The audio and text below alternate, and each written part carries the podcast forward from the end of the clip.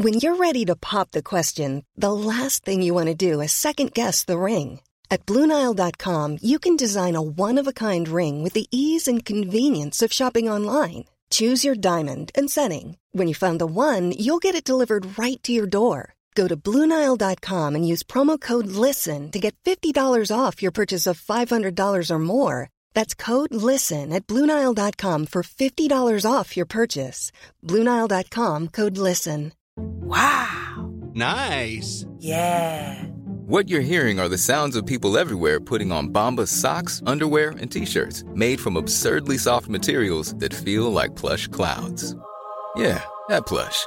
And the best part? For every item you purchase, Bombas donates another to someone facing homelessness. Bombas. Big comfort for everyone. Go to bombas.com slash ACAST and use code ACAST for 20% off your first purchase. That's bombas.com slash ACAST. Code ACAST. Planning for your next trip? Elevate your travel style with Quince. Quince has all the jet setting essentials you'll want for your next getaway, like European linen, premium luggage options, buttery soft Italian leather bags, and so much more. And it's all priced at 50 to 80% less than similar brands. Plus, Quince only works with factories that use safe and ethical manufacturing practices. Pack your bags with high-quality essentials you'll be wearing for vacations to come with Quince. Go to quince.com slash trip for free shipping and 365-day returns. I can discuss some of the psychological aspects of the case. You've got to get a hold of yourself. Now look here, Johnson, I'm going to get to the bottom of this.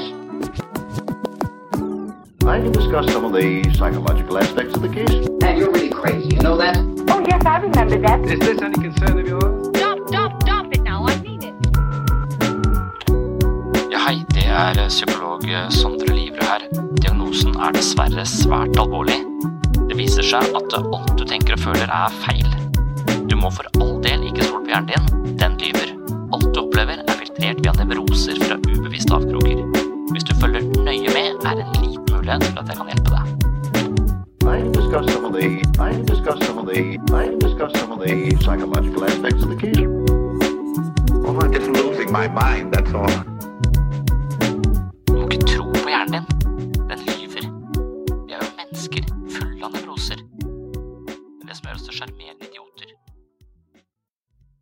Velkommen til en ny episode her på Sinnsyn.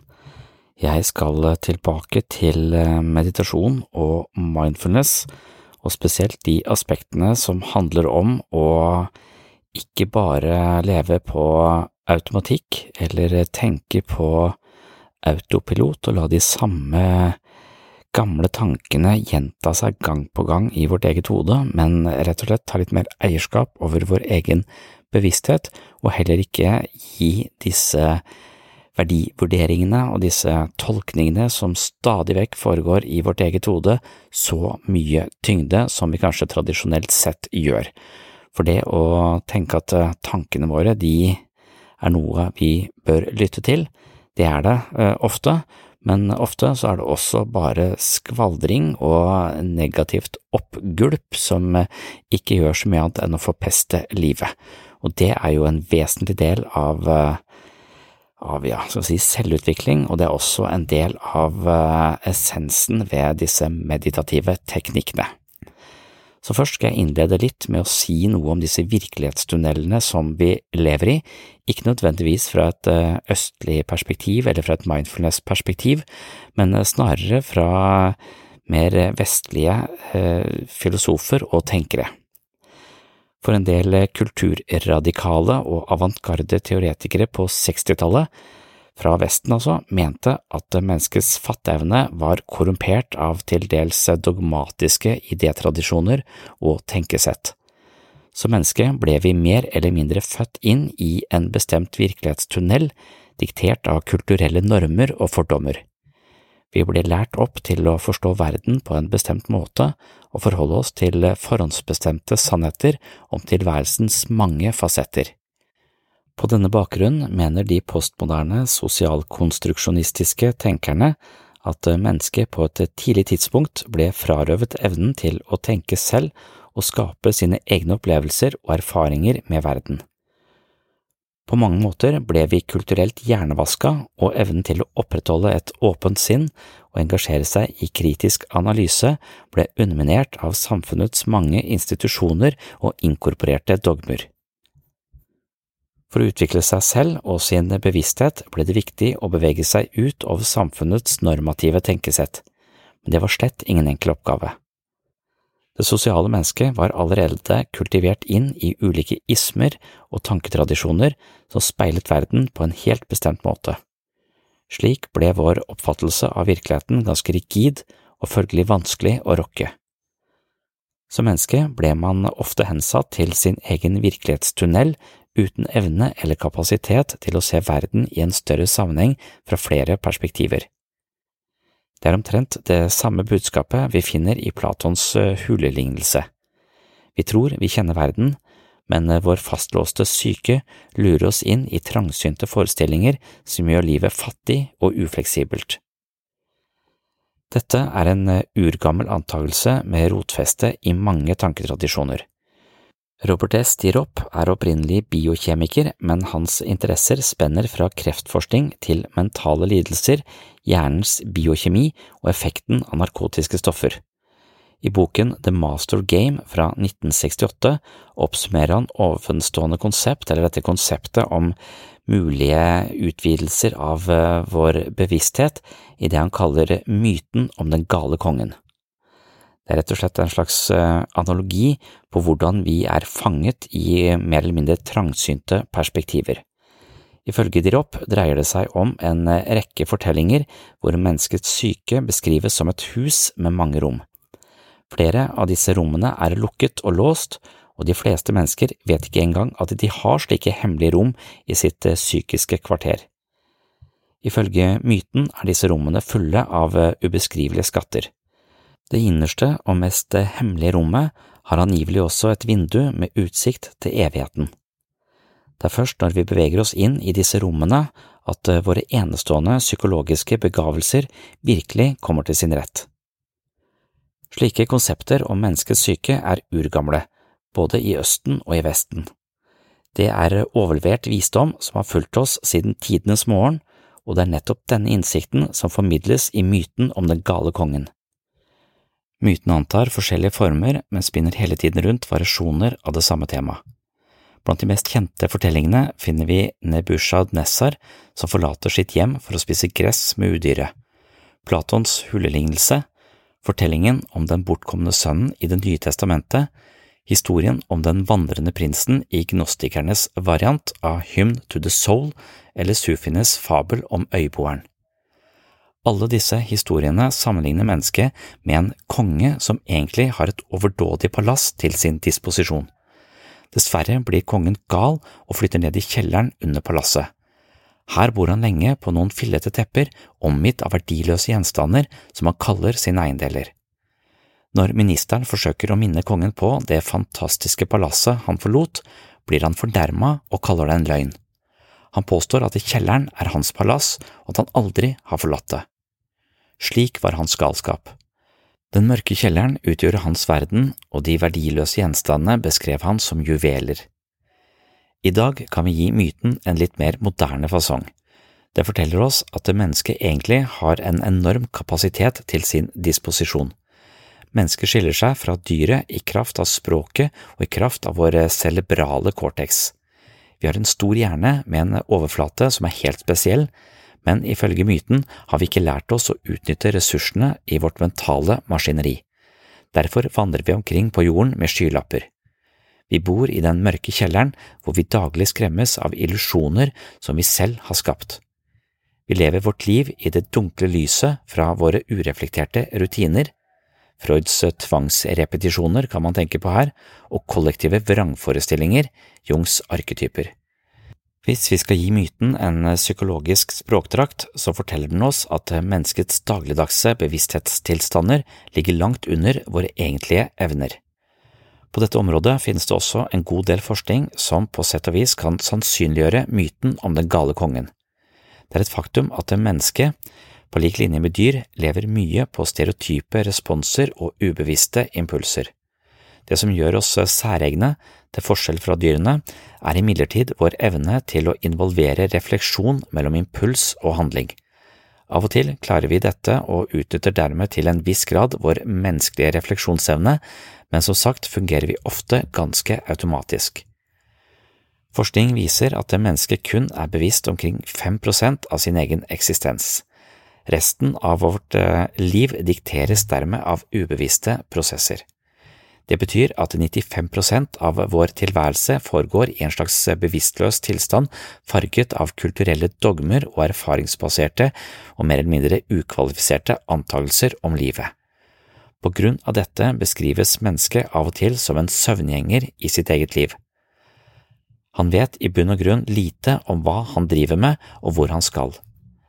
Som en del av menneskeheten flytter han inn i en verden av vrangforestillinger og på grunn av disse vrangforestillingene handler han ofte på en måte som er farlig for seg selv og sine medmennesker.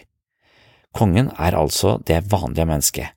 Palasset er den menneskelige bevisstheten som er full av nivåer og hemmelige rom med uante muligheter. Galskapen rammer den kongen som ikke tar i bruk mer enn kjelleren i sitt enorme palass og gjelder hvis de fleste av oss, skal vi tro på Leary, Metzner, Alpert og andre svært liberale og avantgarde 60-tallsteoretikere. For å slippe inn i psykens esoteriske kammer og våkne fra den åndsfraværende livsførselen som sosiale marionetter, tror de nevnte teoretikerne at psykedeliske stoffer kan fungere som åndelige portåpnere. Det er imidlertid veldig lite sannsynlig at selvutvikling ved hjelp av kjemiske preparater er den beste veien å gå. Det finnes veldig mange andre selvutviklingsstrategier som baserer seg på meditasjon, yoga, dyp kontemplasjon og andre mentale øvelser. Dersom vi skal forstå selvutvikling i lyset av eh, det som eh, jeg har nevnt her innledningsvis til dagens episode, betyr det at målet er å utvide sin egen bevissthet. Det tror jeg er en verdifull og edel målsetting som langt de fleste hadde hatt glede av, men jeg tror bivirkningene, risikoen og omkostningene ved bruk av psykedeliske stoffer som åndelige veiledere er for store til at det lønner seg å gå den lette veien. Man må kjempe for psykologisk utvikling og avansement, men belønningen man får er stor både på et personlig nivå og på et samfunnsmessig nivå. Og dette her er jo litt sånn esoterisk og mystisk, eh, i alle fall den måten jeg har presentert det på her, men det er også det som fascinerer meg med den menneskelige syke, at det finnes nivåer, det finnes kapasiteter som er mulig å oppøve gjennom ulike former for selvutvikling. Det er nettopp det dette mentale treningsstudio jeg kaller Sinnsyns mentale treningsstudio dreier seg om. Og i denne episoden så skal vi tilbake til eh, meditasjon og mindfulness som en måte å kultivere en tilstedeværelse på som kanskje tar oss litt ut av kjelleren og det mer stereotype og litt sånn trangsynte måten å oppfatte oss selv på, denne automatikken i måten vi tenker på og fortolker ting på, hele tiden bedømmer ting på en bestemt måte, gir det en bestemt valør og kanskje gir oss selv en bestemt eh, verdi som kanskje er nedslående og destruktiv for oss, og på den måten hele tiden går rundt i en annen sånn psykologisk krampetrekning hvor vi ikke har det spesielt bra. Og det er det mulig å komme seg ut av, og mange vil mene at veien til et eh, bedre liv, det er tilstedeværelse i øyeblikket, og det skal jeg snakke mer om i dagens episode av Sinnsyn. Velkommen skal du være. Oh, I'm just losing my mind, that's all.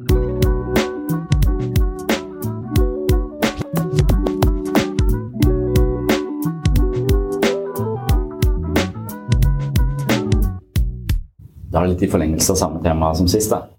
Disse meditasjonsteknikkene som har eh, så saliggjørende effekter på alt, fra psoriasis til eh, depresjon. Det er jo ikke grenser for hva det ikke skal eh, fungere på. Det er jo litt eh, interessant at det skal kunne kureres så mye. Og én ting tror jeg er som vi snakket om sist, at det er disse to tingene. Og jeg har lyst til å snakke mer om den der, det elementet som handler om en ikke-fordomsfull forhold til uh, tanker og følelser og til verden for øvrig. Så er det denne andre aspektet. Den, du har det ikke-dømmende aspektet, og så har du dette med å eie sin egen oppmerksomhet. Å eie sin egen oppmerksomhet snakket vi en del om sist. Det tror jeg er vanskelig. Vi snakket om at alle disse mellomrommene blir spist opp av smarttelefonen som bombarderer hodet med stimuli som gjør at vi på sett og vis eh, får en slags oversett hjerne, kanskje, som aldri får eh, pause eller restitusjon. Og at uh, vi lever i en tid hvor det å verne om sin egen oppmerksomhet er uh, viktigere enn noensinne. For det alle de store tech-gigantene fungerer som uh, digitale halliker som selger vår oppmerksomhet for masse, masse, penger uten at vi får noe som helst tilbake. Det syns jeg er en Så halliker burde gi litt av inntekten til den prostituerte. Den prostituerte er det i dette tilfellet alle oss som har en smarttelefon. Så, så det å eie oppmerksomheten sin og ikke la den fanges hele tiden, det tror jeg man trener opp aktivt i uh, meditasjon, og det tror jeg er helt sykt viktig. Sånn, uh, det er noe som jeg, jeg tror det er altså, Du kan klare deg uten. Altså, jeg tror vi snakket om sist, så tror jeg det er sånn Du kan også klare deg uten å lese. Du kan leve et liv uten å lese. Men eh, det er litt det som gjør oss til mennesker. At vi kan eh, lese, at vi kan binde tid, at vi kan dele erfaringer, forstå symboler.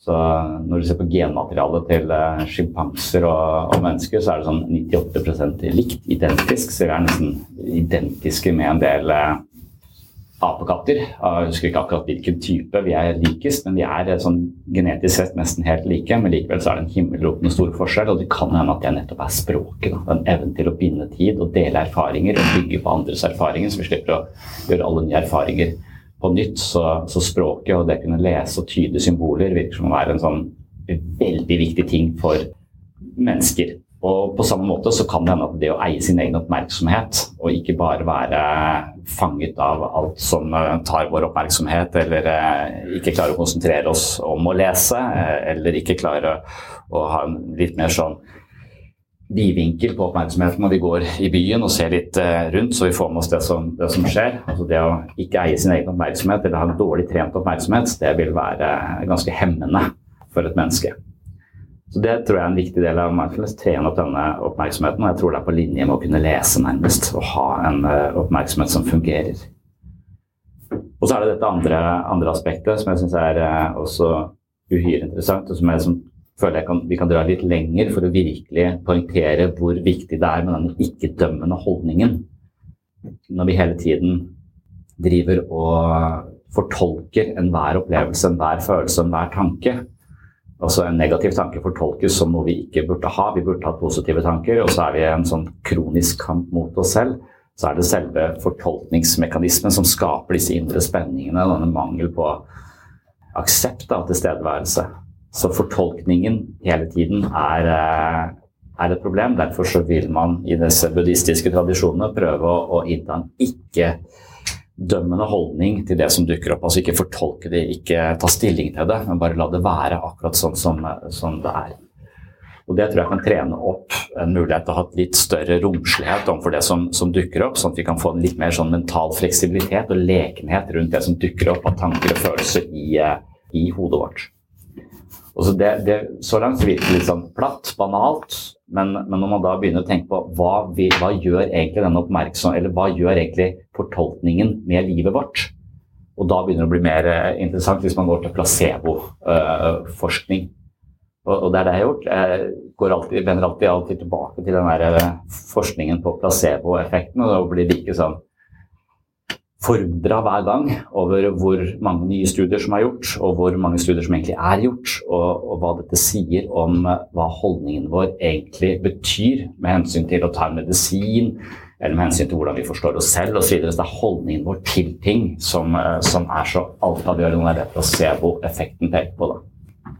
Og jeg tenkte bare, La oss bare ta noen, eh, noen sånne eksempler på, eh, på, hvordan forventningene våre, hvordan fortolkningen vår eh, osv. Spiller, spiller en rolle på, på, selve livet, på det virkelige livet, på sett og vis. Og et eh, legefirma, eller et medisinfirma som heter Ferring Pharmaceuticals, de har eh, for ikke så altfor lenge siden utviklet et, et syntetisk Eller et, de har klart å gjenskape et hormon som finnes i magen på mennesker, som heter sekretin. Og det hormonet det mener man skal kunne Det har en positiv innvirkning på barn med autisme. Så det reduserer autismesymptomer, var hypotesen deres. Og så klarer de å fremstille dette eh, sekretinhormonet, og så klarer de å putte det inn i en pille, og så gir de det til eh, barn eh, på autismespekteret. Og så finner de 30% reduksjon i symptomer på autisme. Problemet er at de også hadde en kontrollgruppe som fikk medisin, men det var narremedisin. Det er sånn disse studiene fungerer. Så de fikk da placebomedisin. Og de hadde også 30% reduksjon i autismesymptomer. Så da er det ikke nødvendigvis eh, virkestoffet, men det er holdningen, ideen og troen på at det finnes ønske om at det finnes en, eh, en medisin. Og når vi begynner å se barnet kanskje på en annen måte, og forholde oss til barnet på en annen måte og leite etter de tingene som fungerer, så kan det være vi opplever en ganske dramatisk reduksjon i de symptomene når vi var blendet av alle, alle problemene. Og dette her er også gjort på, på ADHD. Altså i mange sammenhenger at man har eh, narremedisinert eh, en gruppe og medisinert en annen gruppe, og så ser man en reduksjon i, i symptomer på hyperaktivitet, oppmerksomhetssvikt osv. hos eh, også den kontrollgruppa som da får narre, narremedisin. Og med hensyn til ADHD så kan dette også brukes på en sånn Eh, ganske fruktbar måte. For det er ikke dermed sagt at medisiner ikke har noen effekt, men det er også holdningen vår til medisinen som bestemmer graden av virkning i, i, veldig, stor, i veldig, stor, grad. Så ved ADHD så kan man f.eks. Eh, uten å fortelle pasienten om det, redusere dosen eller gi mindre virkestoff i dosen, noe som gir sjansen for bivirkninger reduseres. Men så lenge personen eh, opplever å være medisinert og har troa på den medisinen, så vil de ikke få noen fall i eh, eller vil ikke få noen verre symptomer. Så man kan redusere eh, menneskers eh, dose uten at det, det gir, noe, gir utslag. Da. Så kan man potensielt sett gå på litt mindre eh, medisiner, som vil sannsynligvis ha en helsegevinst, for da slipper man kanskje for noen av bivirkningene. Men det krever at legen lurer deg. Altså, det er jo en slagside ved det å ha leger som ljuger òg, da. Sånn, for hvis det blir kjent at de ljuger, så vil jo placeboeffekten forsvinne. For da vil man jo gå inn med en forventning om at du sier dette, og du gir meg dette, men er det noe egentlig, sier du bare det for å trøste meg, eller hva er det du er? Jeg eh, har alltid tenkt at det å ljuge er en uting. Jeg tenker jeg skal være så oppriktig og snakke så sant som, som mulig, men, eh, men, jeg mener at jeg, jeg mister litt placeboeffekt der. Derfor så har jeg også steder i livet mitt hvor jeg regelrett sier noe som jeg tror ikke er, eh, er helt sant. Blant annet til dattera mi når ikke hun får sove. Hun sliter alltid litt med å sove. Eh, eh, jeg er 13 år, så når hun da ligger på rommet og klokka er 12, liksom, så, da sier jeg det går helt fint. Det spiller ingen rolle om ikke du får sove, bare ligg og slapp av. Da får du også, også, hvile. Og en natt uten søvn, det tåler du helt fint. To netter uten søvn tåler du helt fint. Det er ingen problem. Når jeg leser om søvnforskning, så viser det at hvis du ikke sover i natt, så har du 0,8 i promille omtrent, og hjernen din fungerer på eh, halv kapasitet dagen etterpå. og Du blir dement før du konfirmerer deg. Så, så hvis du ikke sovner nå, så, så får du alvorlige eh, konsekvenser. Det er det jeg tror stemmer om, eh, om søvn når du leser de søvnene. Det kan også være bullshit. da. Men det å heller betrygge en på at dette går helt fint, at det er helt greit, du gjør ingenting, det er ikke skadelig. Det er viktig for meg å si, selv om jeg dypest sett kanskje tenker at det ikke nødvendigvis er helt sant. Og da blir hun roligere, og så sovner hun. Så det har en eh, helt klar uh, effekt. Så hvordan vi fortolker situasjonen vår, er det viktige. Og jeg vil bidra til en grei fortolkning av denne situasjonen, sånn at hun også da sovner, så hun ikke blir dement før hun skal konfirmere seg. det er jo det er også vist på sånne stress... Ting. Altså, vi snakket tidligere om at stress er farlig hvis du tror det er farlig. Så Det kommer jo også an på hvordan du fortolker stress. Og en situasjon som er stressende for de fleste av oss, det er eksamen. Så når vi har, eh, står overfor en viktig eksamen, en sånn avgangseksamen, så tenker man ofte at dette her er jo bærebrist. alt jeg har gjort nå gjennom året, det skal nå bedømmes. Og hvis jeg driter meg ut i dag, så går det til helvete. Da får jeg ikke den eh, karakteren, og da får jeg ikke en fremtid, og da kan jeg bare legge meg ned og dø. Det er litt den ideen de kanskje har før en eksamen, mange av oss i hvert fall. Så, så stressnivået er ganske høyt. Så da har man studert veldig mange studenter rett i forkant av en eksamenssituasjon, eksamenssituasjon. man har utsatt en gruppe for et uh, miniforedrag med en autoritetsperson som kan mye om uh, stress. og Han har forklart hvordan stress skjerper kroppen. Eh, hvis du føler deg stressa nå, så er du akkurat der du skal være. Det utskiller en del adrenalin, hodet ditt blir skjerpa, du klarer å konsentrere deg bedre. Det er jævlig viktig at du er litt stressa, stressa nå. De som fikk den beskjeden, de fikk mindre stress. Stresset ble redusert. De tenkte at de var akkurat der de skulle være, og de fikk ganske mye bedre på gruppenivå, ganske mye bedre karakterer enn de de ikke gjorde noe som helst med. De lot de bare hvile i sine egne vrangforestillinger og bekymringer om hvordan de har det. Og da tenker man sikkert at å, nå er så stressa, hodet mitt kommer ikke til å klare å prestere noe som helst. Og når du går inn med det, så vil det også påvirke prestasjonen din. Så er det holdningen til stresset som spiller en rolle i den faktiske situasjonen. Jeg tror jeg nevner dette fordi jeg syns det er liksom så interessant at holdningen vår spiller så stor rolle. Og da, når vi da trener i mindfulness på en ikke-dømmende holdning til det som, eh, det som, dukker opp i bevisstheten vår, så tror jeg det nesten er umulig for oss å nesten vite hva er, hvis ikke vi virkelig kan det. Altså det å ikke dømme noe, ikke vurdere noe, ikke tenke at det er bra eller dårlig. En gang du har forholdt deg til det, eller prøvd å forstå det, så har du bedømt det. Og du har fortolket det, og det er den fortolkningen som blir din virkelighet, på sett og vis. Og det er, det, er også, det er, masse med dette her. Altså de har, de har utviklet, utviklet, en placebopille som dempa smertene ved kreft på linje med ketamin, som er hestedop, liksom. Altså det, det har også og så er det også mye med hva slags, ja, hva slags tro vi har på medisiner, og hvordan vi tror disse medisinene fungerer. Og det viser seg at store piller fungerer bedre enn små piller. Injeksjoner fungerer bedre enn en piller. Operasjoner fungerer bedre enn piller, selv fake-operasjoner. Fake-operasjoner har en like god eh, si, tilfriskningsrate som eh, vanlige operasjoner, den type kneskader. Og da, man, da gjør, gjennomfører man gjør et snitt eh, i eh, kneet, jeg vet ikke om dette er lov lenger, eh, gjør et snitt, og så, og så, um, eh, og så syr man det bare igjen uten å egentlig gjøre noe. Men uh, pasienten opplever jo at jeg har uh, fått et uh, inngrep og, og får en, en, helt annen helse etterpå. Så det, det fungerer. Så viser det at blå piller fungerer bedre enn en hvite piller. Og, og, det er altså bortsett fra Italia. Jeg vet ikke om vi snakket om dette sist, men, men og det, er altså, det har de også lurt på. Så konteksten spiller en rolle. Det er ulike land også. Hvis du bor i Tyskland, så er placeboeffekten ofte de er opptatt sånn de, de, lar seg på en måte rive med i mye større grad. Så, så placeboeffektene vil ha mye større virkning i Tyskland enn f.eks. i Danmark og Nederland. Så opp mot 59 eh, placeboeffekt eh, i, i Tyskland, mens nedpå ned 22 i Danmark og Nederland. Hitler visste om dette når han, når han valgte å flytte fra Østerrike til Tyskland. Jeg, jeg, går på Aelius fordi jeg er allergisk eh, mot eh, gress, tror jeg i hvert fall. Jeg renner i øynene og, og, og, masse sånne ting. Og de pillene er blå, men de er jævla små. Så jeg tenker at de hadde hatt mye bedre effekt hvis de hadde bare gjort de tre ganger så, så store. Så, så, så lenge vi har troa på det, og, og, pillene er store nok, og, og gjerne blå, da, ja, bortsett fra Italia, som jeg sa, er, de, de, mener det er fordi at det, det italienske landslaget spiller med blå drakter. Og folk blir så oppjaga og, og, og, engasjerte når de ser fargen blå. Så de har en helt annet forhold til fargen blå enn en andre land. Noe som gjør at de blå pillene ikke har samme placeboeffekt.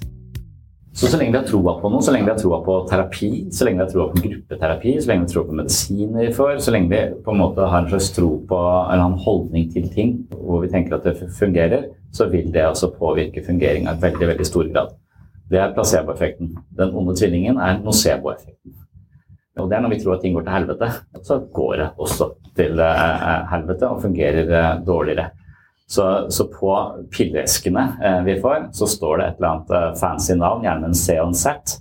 Bare for at det gir assosiasjoner til legevitenskap, latin og akademisk høyverdighet. Så vi har troa på sånne fremmedord som står på, på pakkene. Det der klarer jeg ikke å lese engang. Det må funke jævlig bra. Litt sånn som på vin. altså Hvis navnet er vanskelig å uttale, så tenker jeg sikkert kjempegodt. Det, det, er et eller annet med, med, med snobberiet på, på, pakka som, som, spiller eh, en rolle, har en positiv eh, effekt.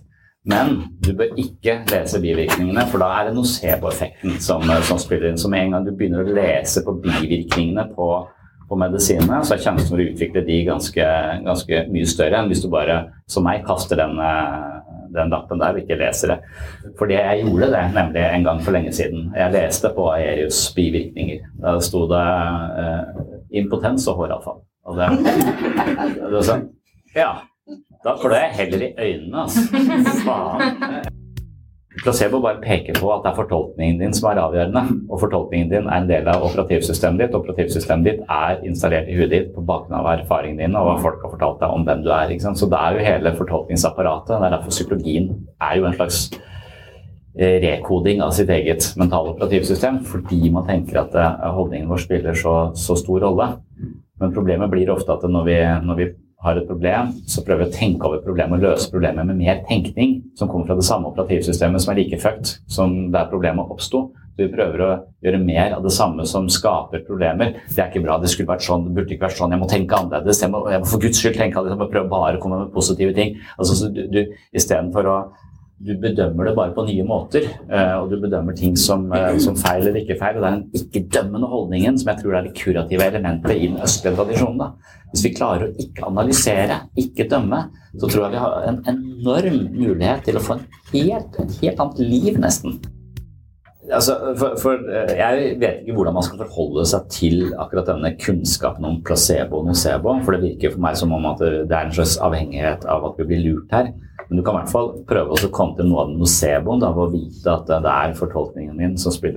Er stor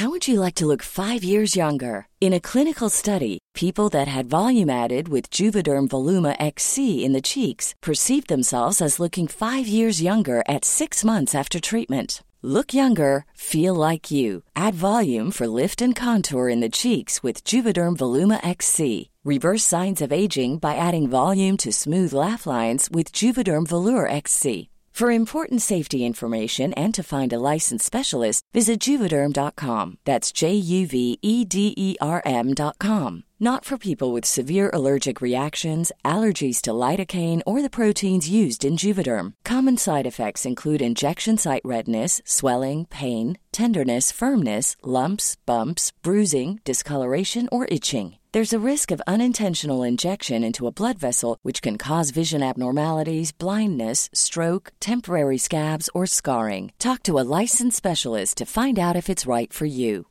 Here's a cool fact a crocodile can't stick out its tongue. Another cool fact you can get short term health insurance for a month or just under a year in some states. United Healthcare short term insurance plans are designed for people who are between jobs, coming off their parents' plan, or turning a side hustle into a full time gig. Underwritten by Golden Rule Insurance Company, they offer flexible, budget friendly coverage with access to a nationwide network of doctors and hospitals. Get more cool facts about United Healthcare short term plans at uh1.com. There's never been a faster or easier way to start your weight loss journey than with PlushCare. PlushCare accepts most insurance plans and gives you online access to board-certified physicians who can prescribe FDA-approved weight loss medications like Wigovi and Zepbound for those who qualify. Take charge of your health and speak with a board-certified physician about a weight loss plan that's right for you. Get started today at plushcare.com slash weight loss. That's plushcare.com slash weight loss. plushcare.com slash weight loss. rolle. Og et av de mest dramatiske eh, eksempler på nocebo som jeg har eh, ja, eller det er for mange, men en av, de, eh, en av de studiene eller beskrivelsene jeg leste er en mann som eh, var med i en depresjonsstudie. Så det var en studie på depresjon som skulle teste ut en ny type medisin. Eh, han var i en gruppe, og så var det en annen kontrollgruppe, og så fikk de medisiner for depresjon. Men så hadde han en krangel med kjæresten, og han hadde en ganske turbulent forhold til, til kjæresten, så det endte ikke så veldig bra. Så han endte med å si at nå tar jeg livet mitt, nå orker jeg ikke mer, du er et hespetre. Og så spiste han alle eh, tablettene han hadde fått av legen, denne depresjonsmedisinen, i den tro at dette var et virkestoff som da var eh, dødelig i, i, overdose. Så han spiste alle tablettene han hadde. Eh, han gikk i, en sånn type sjokkstilstand. Han fikk kramper, eh, han fikk åndenød. Han fikk et enormt høyt eh, blodtrykk, og hjertet slo som bare helvete, liksom. Høy, høy puls eh, og kramper i hele kroppen. Han blir henta av sykebil, kommer inn på sykehuset, og så, og så, viser det seg at de kan ikke finne noe objektivt funn på at han har noen giftstoffer i, eh, i, kroppen. Og så kommer de som står bak studien og sier nei, men han er i placebo-gruppa. Han, han, har sukkertøy, så han har spist noe som tilsvarer en pose med Comfort Drops. Og det er ikke dødelig dose Comfort Drops. Selv om det kan hende finnes dødelig dose Comfort Drops. Det er heldigvis bare pensjonister som det er derfor, de, det er derfor det bare pensjonister, for de har allerede håravfall og impotens fra før. Men med en gang han fikk vite det, at han ikke hadde, så forsvant også symptomene. Så det er jo så det at kroppen rett og slett genererer denne Og et enda mer dramatisk eksempel, som jeg bare i hvert fall ikke vet hvordan jeg skal forholde meg til, det var en studie som ble gjort på 70-åringer, hvor de drev og kontrollerte for eh, fysisk aktivitet, kosthold, ensomhet, alle faktorer som kunne påvirke helsa deres. Og når de hadde kontrollert for alt det, så skulle de undersøke hva vil din tanker om din forventede levetid bety for din levetid. Så hvor lenge tror du at du kommer til å leve? Eh, er spørsmålet. Det er holdningen din til døden, og hvor lenge tror du du kommer til eh, å leve? Og der viser det seg at de som en, ikke tror at de, de, blir så gamle, heller ikke blir så gamle. Mens de som uh, har en sånn uh, klokketro på at jeg blir eldgammel, de blir eldgamle. Altså på gruppenivå, når du tar veldig mange, så er det en helt klar altså De, de levde over seks år lenger, de som, hadde en forventet, som forventet å leve, leve lengre. Og det syns jeg i hvert fall er helt uh, merkverdig. Og da, men jeg vet ikke Altså, det er vanskelig å si hvordan går kausaliteten i dette her. For, spørsmålet er om du har et slags genmateriale som veit hvor lenge du har tenkt å holde på, og at det formidler det på et eller annet ubevisst nivå til hodet ditt, og så kommer du ut en sånn tilfeldig forventning som egentlig stemmer overens med hva kroppen din sier. Eller om hodet sier du, vi har bestemt oss for at vi skal bli 96 år, så bare si ifra til alle cellene om det. Å, faen, vi skal jobbe så lenge. Ok, naboen skal ikke jobbe mer enn 70 år. Helvete. Ja ja, men så får vi holde på, da. Så, så det er hodet som bestemmer hvor lenge cellene skal holde på, eller om det er cellene som sier at vi klarer oss bare så Jeg vet ikke hvilken vei dette går, men bare ideen om at, eh, at ta, hvor lenge, hva forventningen din til levealder spiller en rolle på hvor lenge du faktisk lever, det er sykt. Men i, i, den forskningslitteraturen på, på placebo så er, det, eh, så, så er, det, jo spørsmålet om hvem er det som biter på det, hvem er, som, hvem er som er mer immune mot det. Så kan du få en diagnose av legen din, og så kan du overleve det eh, på merkverdig vis, liksom. Og så tenker man kanskje det er et mirakel, nærmest.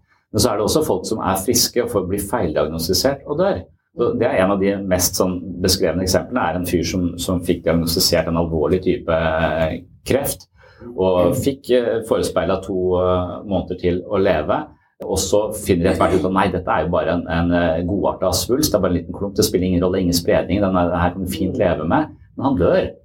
Er dette en, en dramatisk eh, nocebo-variant? Du kan også forestille at det er nettopp pga. dette at det vodo funker. liksom. At det, at det, er sånne vodo og sånne kulturer som kaster sånn forhekser folk og sånn. Du skal faen ikke se bort ifra at det er nettopp den troa på at du har blitt forheksa, som skaper faenskapet. Eh, egentlig At det ikke egentlig er noe overnaturlig, men det er en slags eh, dramatisering av nocebo-effekten. Ja, for, for, jeg bruker nettopp sammenligningen med placebo og nocebo for å, for å påpeke at holdning spiller en rolle. Og en ikke, opptrening av en ikke-dømmende holdning overfor seg selv kan ha dramatiske konsekvenser. liksom. Derfor så, for det, det er litt sånn, Jeg prøver på en eller annen måte å finne en sånn voldsom punchline på hvorfor det å meditere og rett og slett hvile som observatør til operativsystemet sitt, og ikke alltid henge seg på det jævla maset og alle de ideene du har om deg selv som er installert andre folk. Og så at det det spiller så jækla mye større rolle enn vi tror. Men vi tror liksom, vi er så vant til det. Det er nesten som lufta vi puster i. liksom. Ja, men jeg får psykisk meg, jeg får ikke dette. Du hører ikke de stemmene engang. Du hører ikke fortolkningen din. Du fortolker, like, du fortolker hele tiden på samme måte som du puster. Altså, du, du, legger ikke merke til at du gjør det, du bare gjør det. Og, og når de fortolkningene da er eh, delvis negative overfor deg selv, og, og at du behandler deg selv som eh, ja, som en psykopat, som jeg ofte sier, at folk eh, Jeg mener at det, når, når vi går i sånn pride-parader så, så, er det for å kultivere en veldig romslig, aksepterende holdning til alle mennesker. Men det er mange av de som går i det, som ikke har noe av den holdningen overfor seg selv. De fortolker alt som går den andre veien, på en absolutt mer, mer sånn rasistisk måte. De er smårasister og småpsykopater overfor sin egen fortolkning innad. De er jævlig flinke til å, i hvert fall i Norge, eh, akseptere og inkludere og ta inn over oss hvordan vi har behandla folk som er annerledes osv., som jobber så aktivt med det prosjektet utad.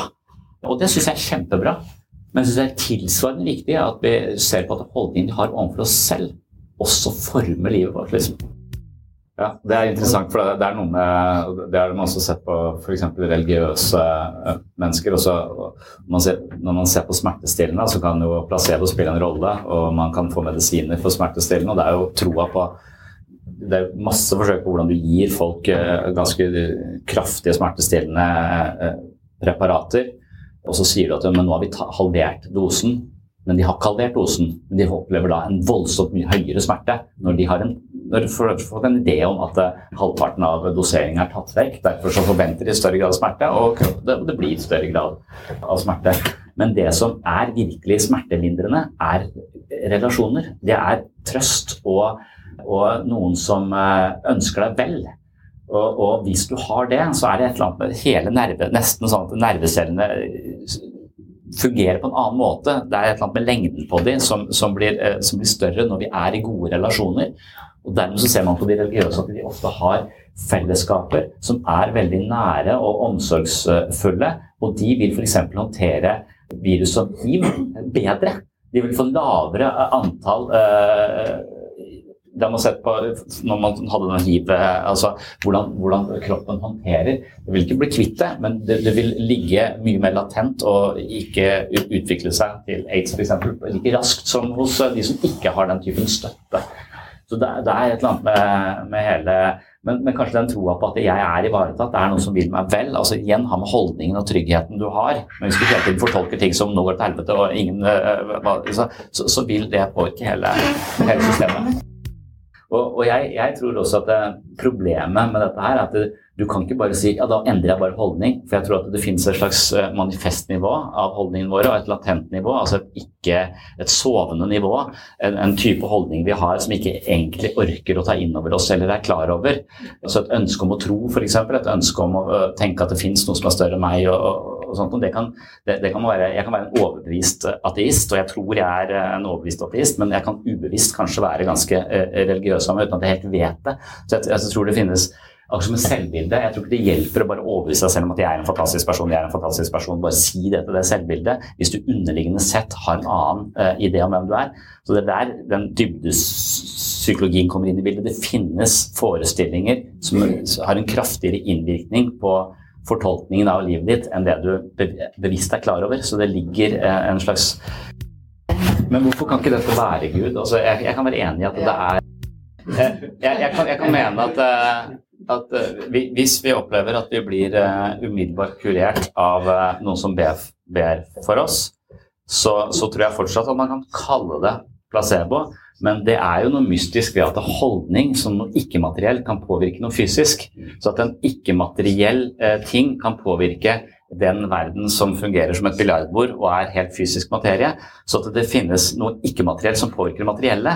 Du, det kan du godt få lov til å kalle Gud uh, for meg, for jeg syns det er merkverdig at det, det, foregår. Og for alt jeg vet, så er det det dere kaller Gud. jeg tror det er derfor vi har også, også problemer med å, å virkelig tegner oss at det, det, å meditere, det å praktisere den ikke-dømmende holdningen, har en så stor effekt. For det de mange av oss er liksom indoktrinert med at det, ja, men en fysisk smerte må ha en fysisk intervensjon. Det går ikke an å Men, men holdning, uh, gjøre noe med fysikken, det, ikke, det, det, er to forskjellige domener. Det er bare tanker. Det, er en, det platoniske. Det er ikke noe Det har ikke en innvirkning på materien. Og det tror jeg er uh, feil. jeg tror at uh, holdningen nettopp spiller en dramatisk rolle, og fortolkningen. Og det er litt mystisk og magisk, for det er noe ikke-materielt som påvirker noe materielt. Men jeg, ja, det, jeg vet ikke om skal forholde seg til sånne mirakler, men, men, jeg velger å tenke at det alltid har en uh, naturlig forklaring. Ja, men til, til, og med det ikke eller, men for, for, meg så er det mye mer psykologisk at, at holdningen vår påvirker uh, virkeligheten. Sånn, mm. sånn, at jeg vil ikke uh, Jeg hørte akkurat den der podkasten som jeg har sagt om med hun Køber. den mest kjente sånn synske norske personen som, eh, som har levd, som, eh, som, de forsket masse på, og som til slutt ble avslørt eh, på, på sett og vis. Men hun, hun, var nok ikke noen, noen sjarlatan i den forstand, men hun var født som med to brødre. Og faren elsket brødrene, var ikke så interessert i hun. Hun fikk ikke den oppmerksomheten hun trengte. De brødrene dør. Eh, og etter hvert så får hun da oppmerksomhet fra far fordi hun mener hun kan kommunisere med, med brødrene. Og hans forståelse av henne som et medium, hennes uh, projeksjon Hun blir dette bindeleddet mellom dette, og, og, hele Norge styrter til henne. Og hun, blir, og, og, hun opererer som et medium i mange, mange, mange, mange år. Så, så, det, så, alle de forventningene som lå inn i henne, og alt det hun fikk ut av være, å ta til seg alle denne ideen å gå i transe og snakke og, og, og tolke og osv. Man skapte et menneske som ble fanget eh, som et medium og fikk jo aldri hvile, for alle skulle ha noe annet hele tiden. Så det er en forferdelig historie. Men det virker på meg som om det er liksom eh, at vi, vi, kan påvirke hverandre så mye. Jeg kan se deg på en bestemt måte ut ifra fra mine erfaringer, og etter hvert som jeg gjør det lenge nok, så blir du det. Altså at jeg kan forme deg i mine, mine øyne, og derfor så vil det ikke-materielle psykologisk sett manifestere seg fordi vi tror det så sterkt. Og til og med at vi med holdningene våre kan påvirke hvordan kroppen vår reagerer. Det er ikke noe sånn magisk, men hvis jeg tror jeg har tatt en overdose eh, antidepressive og skal dø, så vil kroppen forberede seg, og, og, og, og så skjer alle de altså, Det er ganske sånn vilt. At det, det er ikke sikkert det gjelder alle at alle ville fått den. Eh, men jeg har eh, vært sånn Når jeg husker jeg var ung, så var jeg sånn semifull på, eh, på alkoholfritt øl en gang. For det tok, tok feil. Og jeg hadde vel ikke noen opplevelse av ikke være full. Jeg var akkurat så godt humør som jeg tenkte jeg burde vært. Ja, Det er avgjørende hvordan vi bruker den, hva slags fortolkningsmekanismer som ligger Og de fortolkningsmekanismene mener jeg ikke materielle. Og, og, det er derfor at eh, for, Det er akkurat som at eh, selve operativsystemet i dataen er jo ikke materielt. Det er liksom koding. Derfor så er det kodinga som er så, så avgjørende. Og det å ha en bestemt koding, det kan forme virkeligheten vår på helt ville måter.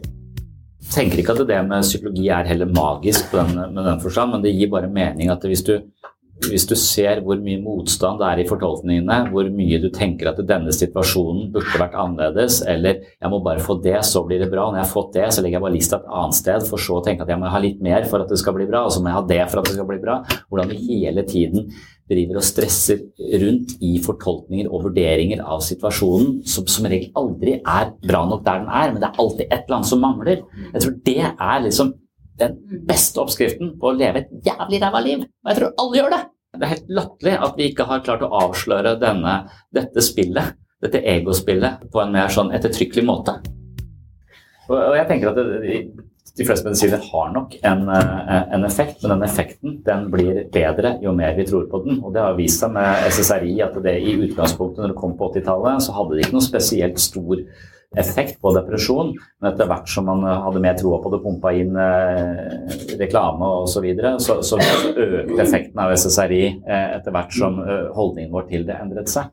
Så i utgangspunktet så var det ikke så mye, det var sånn marginalt bedre enn sukkertøy. Men, men, etter hvert som vi tror på det, så, så får det en, en, mye bedre effekt. Så det jeg tenker at det er et virkestoff, og det er en fysikk, og det er ingen som kan få uh, et lem til å gro ut igjen bare ved å tro nok. Og du kan ikke heller bare bli rik på bare innbilde at du er rik, på, på en måte. Da, da kommer uh, kreditorene til å angripe deg på et eller annet tidspunkt senere hvis du overforbruker. Så, så, det er noe med den der the secret-ideen som lurer i bakgrunnen av dette perspektivet. Altså alt er mentalt, det er bare tro, det er bare sånn, det er sånn. Nei, det er ikke det er ikke det, men holdningen vår til oss selv, til livet og sånn, det kommer til å enten forsterke eller eh, redusere graden av velvære, graden av stress. Altså, det er holdningen vår til det som faktisk er.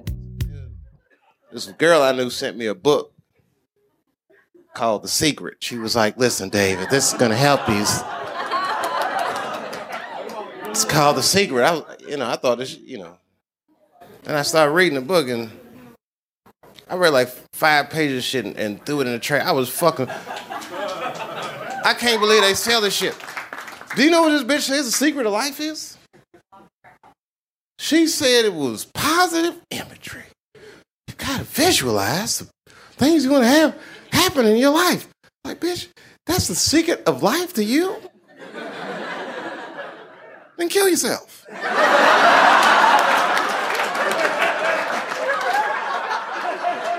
Got to mean more than that. Positive imagery. Bitch fly to Africa and telling them starving children that shit. What's wrong with you? I have not eaten in five days.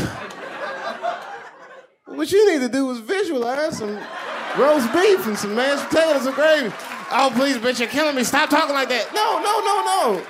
The problem is you have a bad attitude about starving to death. Ja, og Buddha, jeg husker, Det er en sånn metafor fra Buddha. Han sier et eller annet med, sa da, tydeligvis at det, han spurte folk er det er det vondt å bli truffet av en pil. Og så sier elevene ja, det er vondt å bli truffet av en pil. Men er det ikke enda vondere å bli truffet av to piler? Uh, så er det enig i det også, da. Og, jeg tror den pil nummer to er et slags bilde på fortolkningen, altså forventningen om smerten. Og jeg tror hvor mye du du tror dette skal gjøre vondt, og hvor mye du gruer deg til det i forkant. Det å hele tiden ikke være i øyeblikket, som er meditasjonsprosjektet også, men hele tiden se for seg hvordan det kommer til å gå til helvete, eller hvor vondt det kommer til å gjøre når det skjer, så får du den smerten inn i øye, øyeblikket. Og genererer eh, smerte. Det er pil nummer to. Men pil nummer to er eh, fortolkningen vår. Og, og, da tror jeg graden av smerte kommer an på hva slags fortolkning du har rundt smerte. Så Derfor så vil folk oppleve smerte veldig forskjellig. De vil fortolke det på en veldig, veldig forskjellig, forskjellig måte. Og Hvis man da får trøst, som man må gjøre som foreldre, så reduserer det smerten. Altså Hvis man ligger og føder, så reduserer det smerten hvis det er en kompetent person inne i rommet hele tiden. Men det du har sånne overbooka fødestuer hvor disse jordmødrene bare flyr rundt, er innom av og til, så øker bruken av epidural dramatisk. ikke sant? Så da må vi ha annen type smertestillende som egentlig vi ikke hadde trengt hvis vi hadde hatt en følelse av en trygghet og en tilstedeværelse av andre mennesker. Og det hadde da ha en stressa pappa med seg som står der og tenker helvete, det her ser jævlig ut, det kan jo ikke nødvendigvis redusere smerteopplevelsen. Du ser opp i mitt ansikt som ser sånn bleik ut og tenker fy faen, du kommer til å spjære, dette går til helvete. Altså, du er i ferd med å dø. Jeg tror ikke det nødvendigvis er smertereduserende. Eh, så det at hun sluttet å se på meg, det skjønner jeg på et eller annet tidspunkt der. Mens det å se på en trygg jordmor som har sett dette 100 ganger før, og det roer, dette går fint, og dette klarer du, og, og det, det tror jeg er enormt smertereduserende. Det er vel dette prosjektet med å eie oppmerksomheten sin igjen, og så ikke, ikke, la det mentale operativsystemet bare galoppere av sted på bekymringer og sånn, men eie fokus og så vite at ja, hvis jeg klarer å skjerme denne dagen istedenfor å bruke hele denne dagen på å grue meg til noe jeg skal i morgen, så har jeg redda denne dagen, på en måte. Jeg har eh, gjort eh, enormt mye for denne dagen. Men jeg syns det blir vanskeligere og vanskeligere. Jeg tror det er fordi oppmerksomheten min blir skralere og skralere. For før så tenkte jeg at det var lett å holde foredrag og sånn, så jeg sa ja til det. Og så gikk det som regel greit, for jeg pleide ikke å tenke på det før dagen var der. Nå driver jeg og gruer meg i forkant, så det er ikke verdt det lenger.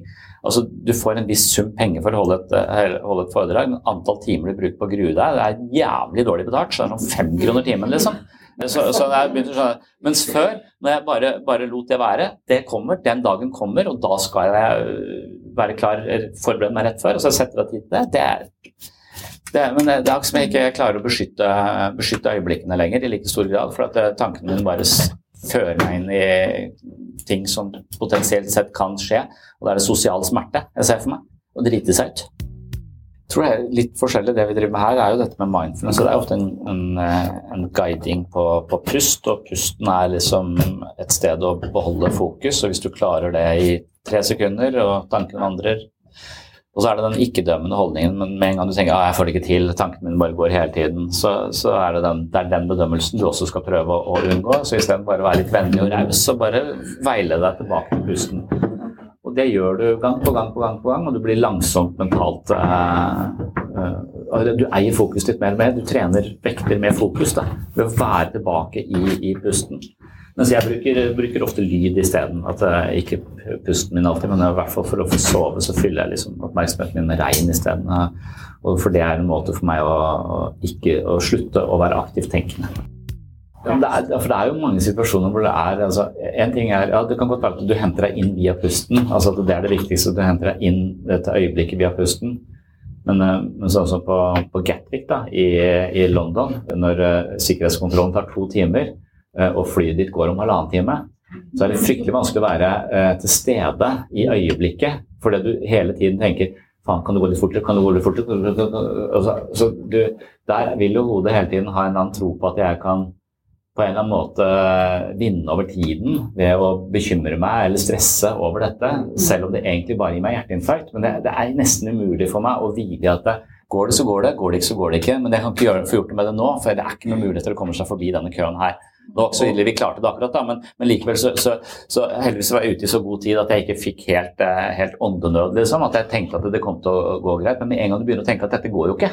Altså vi kom jo faen ikke, Jeg trodde den køen var så lang, men så viser det at det er tre rom til med like lang kø. altså det er jo, Du er faen meg det er i andre enden av eh, flyplassen, dette, i sikkerhetskontrollen her. Så akkurat i den situasjonen hvor du begynner å innse at ja, kanskje jeg ikke kommer tilbake til Norge, nå står jeg her med to barn på en flyplass, jeg vet ikke faen jeg skal altså den det å hvile i et sånt øyeblikk, da vil du Det er det må være mulig, og da vil du være en bedre pappa. Du vil liksom, du kan se de barna liksom, Nei, hysj, vent, vent. Jeg, jeg, blir bare en ræva person. Av, av, men det er hodet mitt som på en eller annen måte tror at det å bekymre seg for denne situasjonen har en eller annen positiv effekt. Men det har jo faen ikke det. Jeg tror fella i en sånn flyplassituasjon vil være at jeg på en eller annen måte ikke klarer å slippe på ideen om at jeg faktisk kan påvirke dette. Uh, og at jeg, uh, Hva hvis jeg faker et hjerteinfarkt, liksom? Kommer jeg foran i køen da? Altså, Sånne tanker slår meg. Også, men jeg vil jo egentlig ikke stikke. Det er sikkert mange andre som har uh, like dårlig, dårlig tid der. Så, så jeg tror jeg begynner, jeg tror den, Men hvis jeg bare hadde akseptert at det, dette rekker jeg, eller så rekker jeg det ikke, men det er utenfor min kontroll, mm. så, så ville jeg kunne for, for, hvis du zoomer ut fra denne situasjonen og ser deg selv, og ser all den avvisninga overfor barna i den mm. situasjonen hvor du er oppslukt av bekymring, du ser det barn som viser deg noe, men som da blir bare Ja, vent. Det, det er den der, du vet den der still face-greia hvor du ser en mor som plutselig bare mister ansiktsuttrykket overfor barn, og barn blir helt desperat. Det er, helt, det, er en sånn hjerteskjærende å se. Og Hvis du zoomer ut og ser deg selv, og hvordan du går glipp av disse små tingene, hvordan klarte Rubiks-kuben på to eller tre eh, sånne sider akkurat da, eh, i den køen, og jeg ikke anerkjente det på noen som helst måte, for jeg ser det stresset om vi kommer gjennom eller ikke jeg, jeg, tror livet, Hvis jeg hadde klart, hvis jeg i utgangspunktet hadde en holdning tenke at dette her kan ikke jeg kontrollere, men nå står jeg her, og så får vi se åssen det går. og Så kan jeg være til stede her, kan jeg puste her, være til stede her. Og så Dæven, vi klarte Rubiks-kuben. Og der, der tenker jeg at det, det, der ser jeg på det som muskler, liksom. At det er en, det er en eh, forhold til min egen fortolkning, en slags eh, evne til å gi slipp, og at det formelt sett trenes på et helsestudio. Bare at nå er det et meditasjonstempel, eller hvor du velger å gjøre det, i skogen eller hvor du gjør det, så er det de musklene du trener opp i en formell praksis, de kan det være du langsomt kan bruke i livet, men at det er like altså, Det er veldig sjelden du har eh, vært på Alexa et halvt år og tenker at det er, veldig mye lettere å flytte, fordi at musklene er så innmari mye sterkere. Det, sånn, det går litt sånn langsomt, på en måte. Så det, jeg tror dette her også må, må ligne muskelstyrke. Det må ligne en opptreningsprosess ved å, ved å rett og slett forholde seg mer eh, til stede i de, i de, situasjonene. Jeg tror derfor jeg liksom driver og tar Jeg tar ikke så mye bilder, men jeg ser folk tar bilder av alt. Jeg tror jeg rett og slett for at jeg, Akkurat nå har jeg ikke tid til å oppleve dette, men jeg skal bare ta et bilde av det, så kan jeg oppleve det på et senere tidspunkt. Men jeg har da 30 000 bilder som skal oppleves på et senere tidspunkt. Da må jeg ha ti liv til, minst, for å oppleve det jeg gikk glipp av i dette livet. Altså, et liv hvor jeg kan oppleve det livet jeg har hatt. Ja, det var det jeg hadde om eh, det å fortolke ting, fordømme ting, være til stede i øyeblikket og eie sin egen oppmerksomhet, og ikke hele tiden la seg distrahere av algoritmer eller ytre forstyrrelser eller automatiske tanker i vårt eget indre liv. Det å trene på dette gjennom meditasjon og mindfulness, det tror jeg er helt sentralt for å utvikle seg og for eh, mentalt vedlikehold, rett og slett. Og hvis ikke du allerede driver med en eller annen form for meditasjonspraksis, så håper jeg at dette her inspirerte deg til å gå inn på den seksjonen i eh, mitt mentale treningsstudio, altså den seksjonen i den appen som handler om mindfulness og meditasjonsøvelser. Ja, det var det jeg ville si i denne omgang jeg kommer tilbake til eh, mindfulness eh, i senere episoder, det er jeg ganske sikker på, for det er en viktig del av eh, min egen praksis, det er en viktig del av min kliniske hverdag, og det har blitt en stadig viktigere del av det å klare å sovne på kvelden, for det tankene mine ofte galopperer i ulike retninger, og evnen til å finne ro i øyeblikket og ikke bedrive en eller annen aktiv kontemplasjon, det er ikke noe som kommer av seg selv for meg, det er noe jeg må trene på og oppøve for å klare å senke eh, skuldrene og finne ro på innsida når jeg skal legge meg ned på puta om kvelden. Så meditasjon har vært viktig for meg, det har blitt stadig viktigere for meg eh, etter hvert som jeg blir eldre også. Er kanskje da jeg er modnes og forstår verdien av det eh, fullt ut. Og jeg håper at, eh, som sagt, at dagens episode har inspirert deg også, så ta turen inn på mitt mentale treningsstudio i seksjonen for meditasjon, og sjekk ut de veiledningene som ligger der. Takk for nå.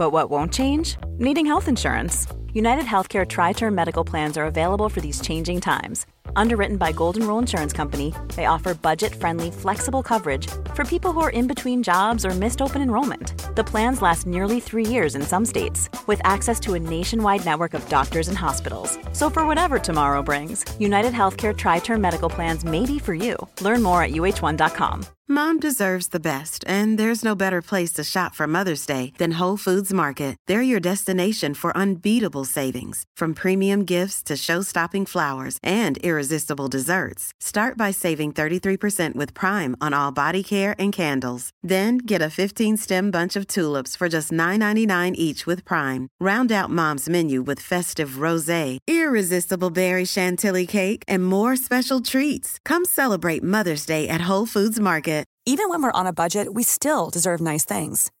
Quince is a place to scoop up stunning high-end goods for 50 to 80% less than similar brands. They have buttery soft cashmere sweaters starting at $50, luxurious Italian leather bags, and so much more. Plus, Quince only works with factories that use safe, ethical, and responsible manufacturing. Get the high-end goods you'll love without the high price tag with Quince. Go to quince.com/style for free shipping and 365 day returns.